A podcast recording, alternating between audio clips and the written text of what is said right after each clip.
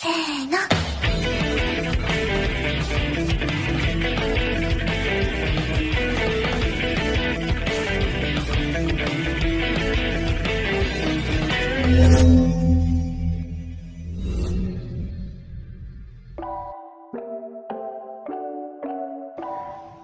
Ya halo Mina, selamat datang di channel Linda Anima.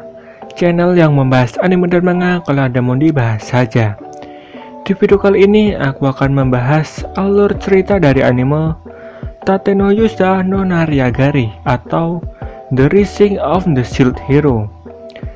Yang akan gue bahas adalah alur cerita dari season kesatunya. Anime ini akan menceritakan tentang seorang wibu yang dikirim ke isekai. Bukan karena ditabrak truk, bukan karena dibunuh, dan bukan juga karena pulang dari supermarket. Dia dikirim ke isekai dengan cara membaca novel. Tokoh utama di anime ini bernama Iwatani Naofumi. Seperti anime isekai kebanyakan, dia dikirim ke sana untuk melawan monster dan menyelamatkan dunia itu dari kehancuran. Bukannya mendapatkan senjata yang keren, Naofumi malah mendapatkan senjata sebuah perisai. Ya, perisai. Yang tentu saja tidak bisa digunakan untuk membunuh monster. Apakah dia bisa hidup bahagia di dunia barunya itu? Atau malahan dia akan menderita? Bagaimanakah kelanjutan ceritanya? Tanpa basa-basi, langsung saja. Matikan data, hidupkan hotspot tetangga, dan sambungkan ke wifi Anda. Inilah alur cerita dari anime Tate no Yusa no Nariagari season ke-1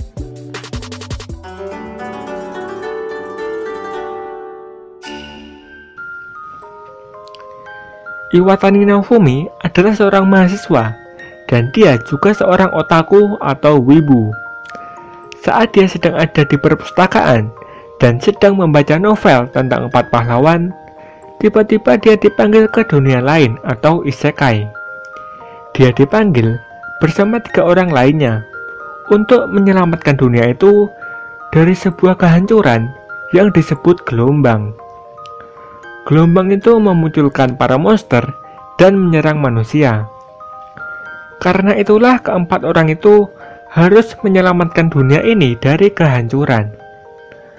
Keempat orang itu disebut pahlawan suci, dan mereka mendapatkan senjata legendaris yang berbeda-beda. Di antaranya adalah Ren Amaki, pahlawan pedang, Itsuki Kawasuki, pahlawan busur, Motoyasu Kitamura, pahlawan tombak, dan Naofumi Iwatani, pahlawan perisai. Di dunia itu, pahlawan perisai dianggap lemah karena dia tidak bisa bertarung. Terbukti saat pembuatan party atau tim, tidak ada yang mau bersama Naofumi. Tapi tiba-tiba ada satu wanita yang mau bergabung dengannya. Dia bernama Malti. Malti ini juga adalah anak dari raja. Naofumi sangat senang dia lalu pergi ke tempat penjual senjata untuk membeli peralatan. Pemilik tempat itu kita panggil aja Om Botak. Karena senjata Naofumi adalah perisai yang berfokus ke pertahanan, dia kesulitan untuk mengalahkan monster. Akibatnya, dia sulit untuk menaikkan levelnya. Awalnya semua berjalan biasa-biasa saja, sampai pada akhirnya setelah Naofumi terbangun dari tidurnya, dia ditahan oleh beberapa prajurit dan dia dibawa ke hadapan raja. Naofumi difitnah atau dituduh kalau dia memaksa Malti untuk ngeve. Naofumi sadar kalau dia baru saja ditipu.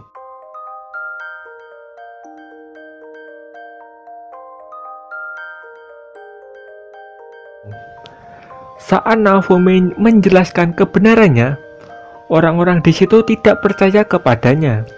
Sebenarnya, Naofumi mau dibunuh, tapi karena pahlawan suci tidak boleh dibunuh, Naofumi lalu diusir dari situ. Tapi dia tetap diwajibkan untuk melawan gelombang. Setelah Naofumi pergi, saat di jalan, dia hampir dihajar oleh Om Botak, tapi tidak jadi karena dia tahu sebenarnya Naofumi tidak bersalah.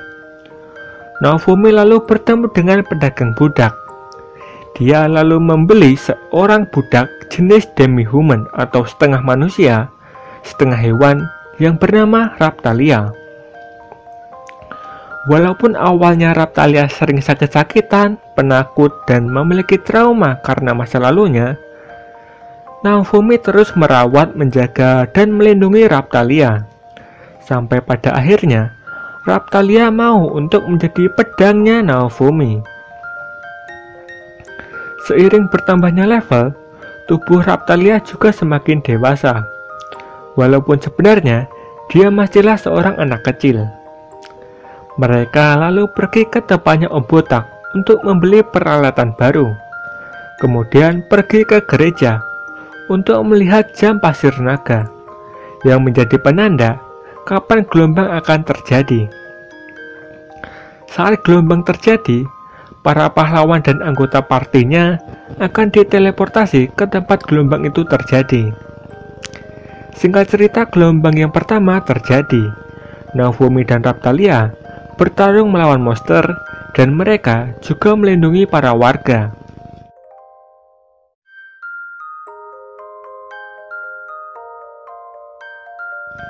Sedangkan tiga pahlawan lainnya cuman mengincar bos dari gelombang itu. Setelah bosnya kalah, gelombang pun berhenti. Kerajaan lalu mengadakan pesta. Naofumi yang ada di sana ditantang duel oleh Motoyasu. Motoyasu tidak suka jika Raptalia menjadi budaknya Naofumi. Jadi, jika Motoyasu menang dalam duel ini, dia akan membebaskan Raptalia dari budak Naofumi. Mereka pun bertarung.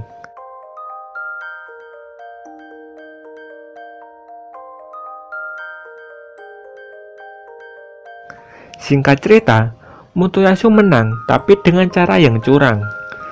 Setelah Raptalia terbebas dari segel budak,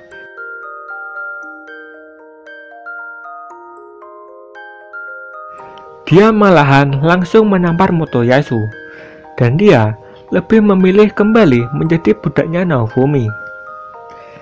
Setelah kejadian itu, Naofumi kembali ke tempat pedagang budak. Kali ini dia membeli telur monster. Dari kaca telur monster itu, muncul anak ayam yang dengan cepat berubah menjadi Pilorial. Dia diberi nama Philo atau Viro.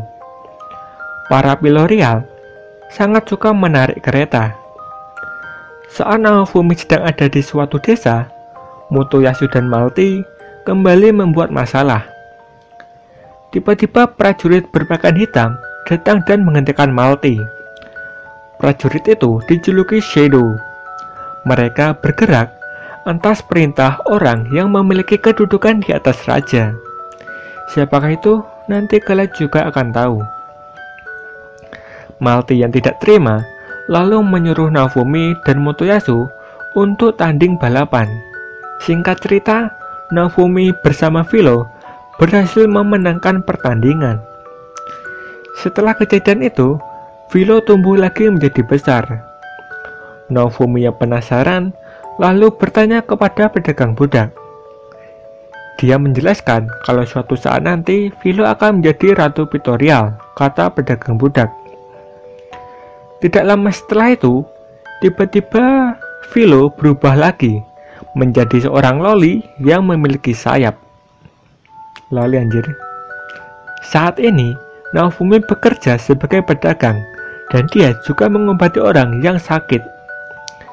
Saat Naofumi sedang ada di sebuah desa, di desa itu terdapat monster tumbuhan yang menghancurkan desa. Setelah dicari tahu, ternyata ini semua akibat dari pahlawan tombak yang memberikan desa itu sebuah pohon yang bermutasi menjadi monster. Naofumi, Raptalia, dan Philo lalu mengalahkan monster itu.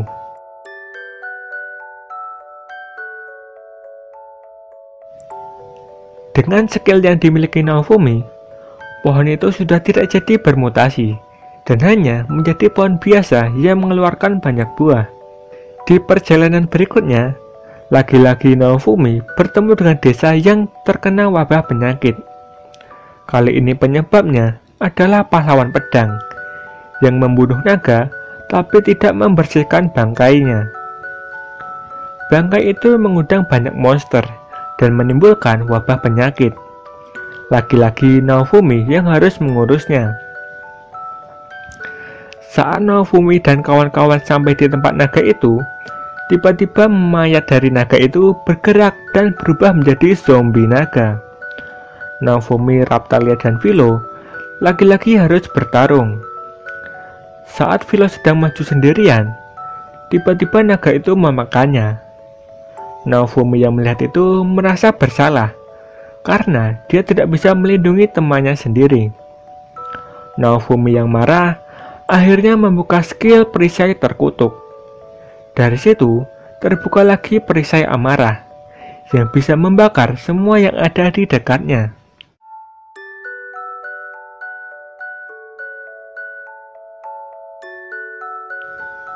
Walaupun begitu, Naofumi belum bisa mengalahkan naga itu.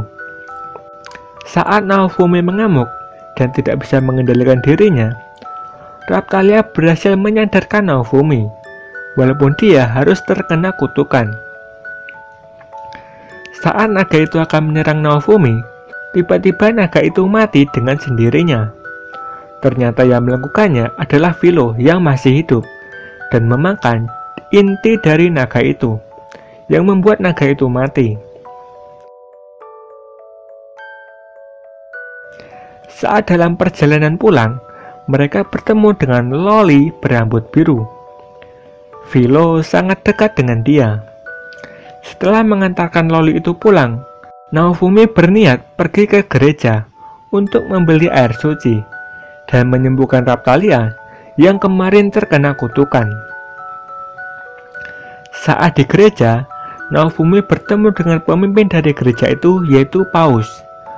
Paus ini terlihat sangat sombong dan licik. Naofumi harus membayar sangat mahal untuk air suci yang dia dapatkan.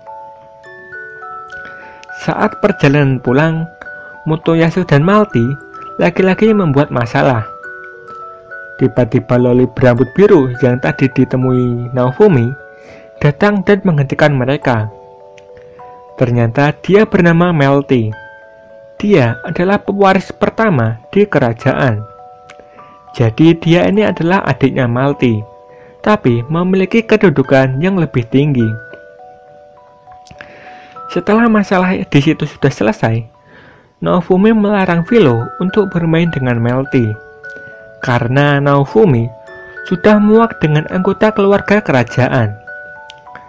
Tidak lama setelah itu, datang sekelompok prajurit yang ingin bergabung ke partinya Naofumi. Mereka adalah orang-orang yang desanya sempat diselamatkan Naofumi dulu. Melihat kesungguhan dari mereka, Naofumi pun menerimanya. Singkat cerita, gelombang pun terjadi lagi.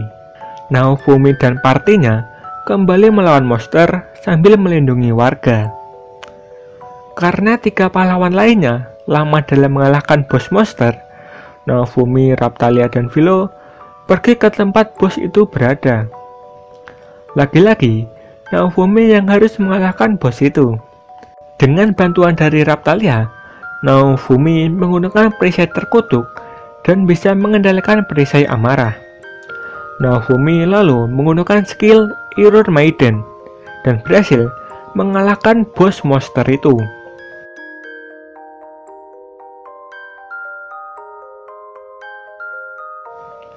Tapi gelombang belum berhenti. Tiba-tiba muncul perempuan dengan senjata kipas yang menyerang empat pahlawan suci. Orang itu bernama Glass. Mereka pun bertarung, tapi tiga pahlawan lainnya langsung kalah. Naofumi kembali menggunakan perisai amarah dan menyerang menggunakan skill Iron Maiden miliknya.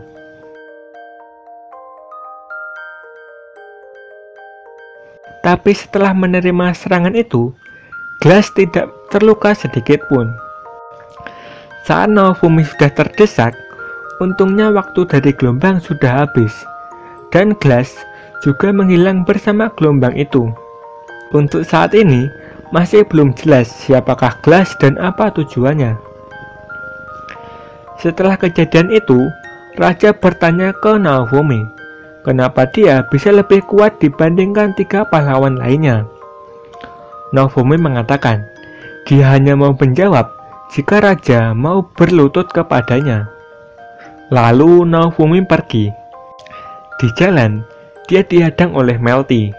Melty meminta agar Naofumi berbaikan dengan Raja. Tentu saja Naofumi menolak. Tiba-tiba ada prajurit kerajaan yang mau membunuh Melty. Untungnya, Naofumi langsung menariknya. Karena kejadian itu, Naofumi malah dituduh mau menculik Melty. Dari situ Naofumi dan yang lainnya menjadi buronan. Malti juga mengatakan kalau mungkin saja Naofumi sudah mencuci otak Melty.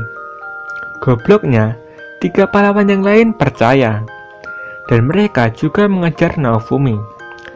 Naofumi lalu bersembunyi di tempat rekan bisnisnya. Kita sebut saja bangsawan Banci. Tapi di sana, Melty malah diculik oleh bangsawan gendut. Kita sebut aja begitu. Bangsawan itu jugalah yang menyiksa Raptalia waktu menjadi budak dulu. Singkat cerita, Novumi, Raptalia, dan Philo mengejar bangsawan gendut itu dan berhasil menjatuhkannya dari jendela. Raptalia juga berhasil menyelamatkan satu temannya waktu kecil dulu yang bernama Piel. Ternyata bangsawan gendut itu belum mati. Dia lalu membangkitkan monster dinosaurus yang dulu sempat disegel Dinosaurus yang bangkit lalu menginjak bangsa gendut itu sampai mati. Anehnya, dinosaurus itu hanya mengincar Philo. Jadi Naofumi dan kawan-kawan menjauh dari kota agar tidak menimbulkan korban jiwa. Sedangkan Kial dititipkan kepada bangsawan Banci. Setelah menjauh dari kota, Ratu Victorial muncul dan membantu Naofumi mengalahkan dinosaurus itu.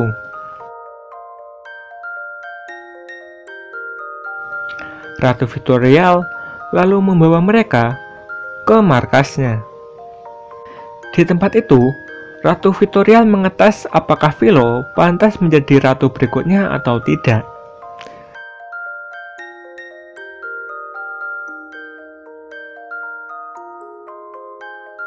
Singkat cerita saja, Philo lolos dari tes itu.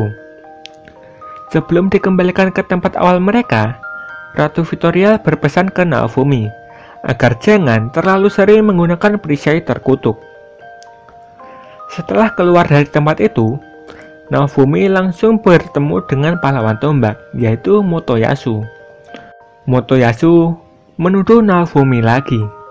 Kali ini, dia menuduh kalau Naofumi sudah membunuh pahlawan busur dan pahlawan pedang. Naofumi yang tidak tahu apa-apa terpaksa bertarung dengannya.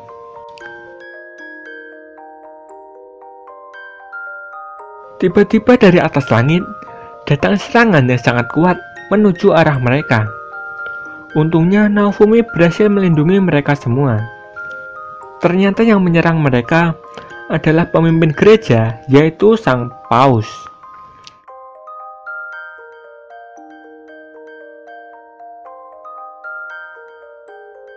Yang lebih mengejutkan lagi, dia berniat untuk membunuh semua pahlawan suci karena dianggap tidak berguna. Tiba-tiba datang Itsuki dan Ren yang ternyata masih hidup. Mereka semua lalu bertarung melawan Paus.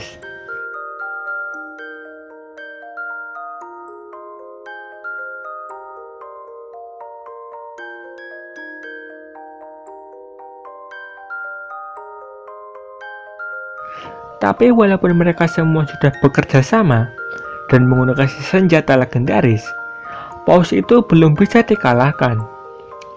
Paus itu memiliki senjata replika milik tiga pahlawan dan dia juga mendapat penyembuhan dari para pengikutnya.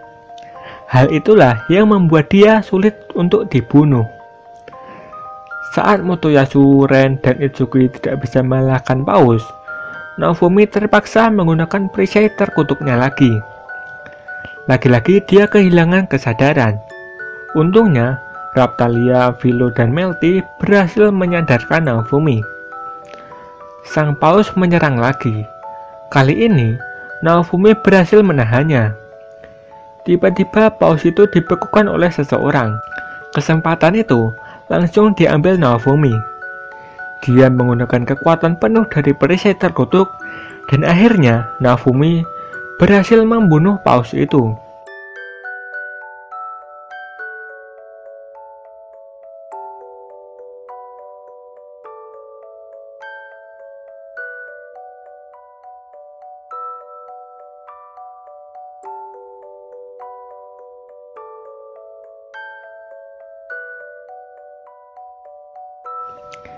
Tapi akibat menggunakan perisai terkutuk, Naofumi langsung pingsan dan tumbang.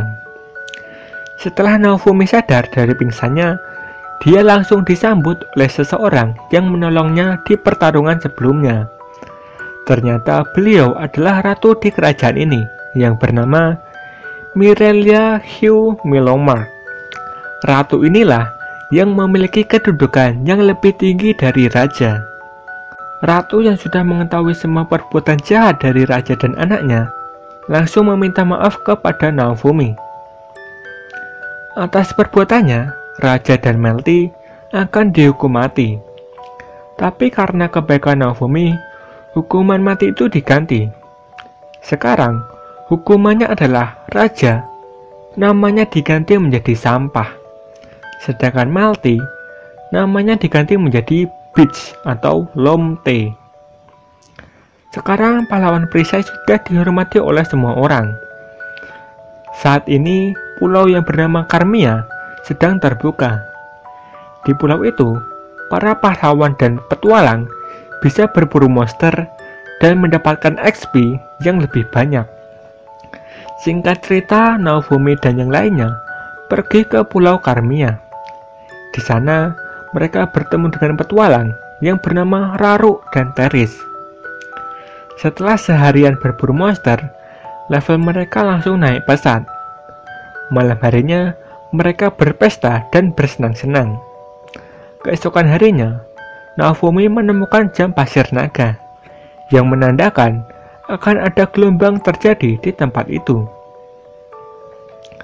Kerajaan, petualang, dan para pahlawan suci langsung bersiap untuk menghadapi gelombang kali ini. Monster-monster pun datang dan jatuh dari langit. Naofumi langsung mengalihkan perhatian dari bos monster itu, sedangkan tiga pahlawan yang lain menyerangnya. Tapi monster itu belum kalah. Yang mengalahkan bos monster itu malahan Raru menggunakan senjata sabit miliknya.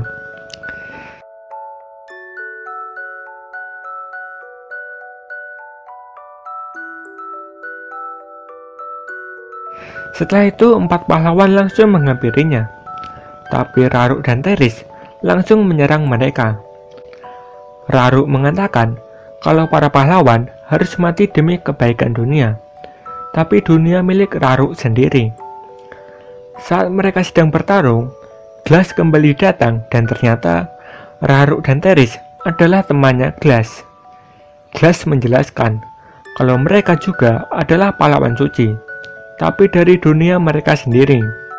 Naofumi sekarang paham kalau mereka harus saling membunuh demi kebaikan dunia mereka masing-masing. Naofumi, Raptalia, dan Philo lalu bertarung melawan Glass, Raru, dan Teris.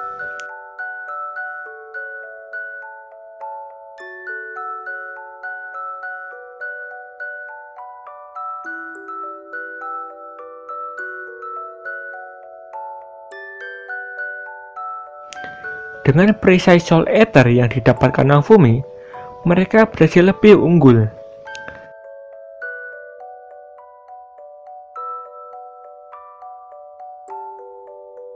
Tapi setelah Glass menggunakan item drop, dia berhasil membalikkan keadaan.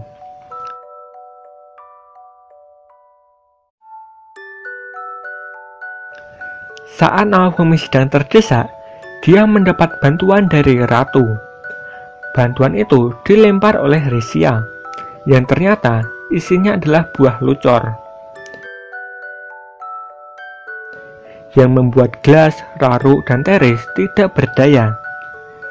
Bersamaan dengan itu, waktu yang mereka miliki juga habis. Mereka pun mundur dari pertempuran. Dan sekali lagi, Naofumi berhasil menyelamatkan dunia. Untuk saat ini dunia sudah tenang. Naofumi berniat menambah anggota partainya. Lalu dia bertemu dengan Risia. Tadinya, Risia adalah anggota Itsuki. Tapi sekarang, dia sudah dibuang dari partai. Naofumi menawarkan untuk menjadi anggota partainya. Singkat cerita saja, Risia pun menerimanya.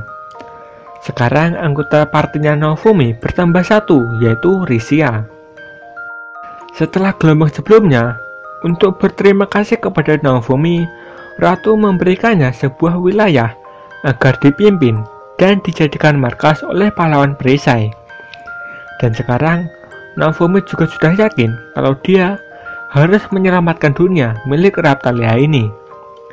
Season 1 pun berakhir Pesan yang dapat kita ambil dari anime ini adalah Belilah budak loli, burung loli, dan bertemanlah dengan loli juga Agar hidup Anda bahagia. Misal kalau dapatnya MILF juga nggak apa-apa sih. Nikmati aja. Dan yang paling penting Jangan menyimpan dendam pada orang lain Karena itu hanya akan membuat Anda lebih menderita. Intinya, nikmati saja hidupmu. Itulah tadi alur cerita dari anime Tate no Yusa season ke-1. Ada banyak momen-momen penting yang aku lewati. Jadi, kalau kalian mau lebih paham, silahkan nonton sendiri animenya. Kalau ada pertanyaan soal anime ini, bisa tulis di kolom komentar di bawah. Mungkin aku atau teman-teman yang lain bisa membantu. Untuk season kedua dari anime ini, silahkan kalian tunggu di tahun ini juga. Baiklah, mungkin itu dulu untuk video kali ini. Kalau ada kesalahan, saran, dan masukan, bisa tulis di kolom komentar di bawah. Masalah like, share, dan subscribe, itu aku serahkan kepada kalian. Terima kasih sudah menonton video ini. Gue Lin pamit undur diri dan sampai jumpa di video selanjutnya. Salam Will of D, anime jangan sampai mati.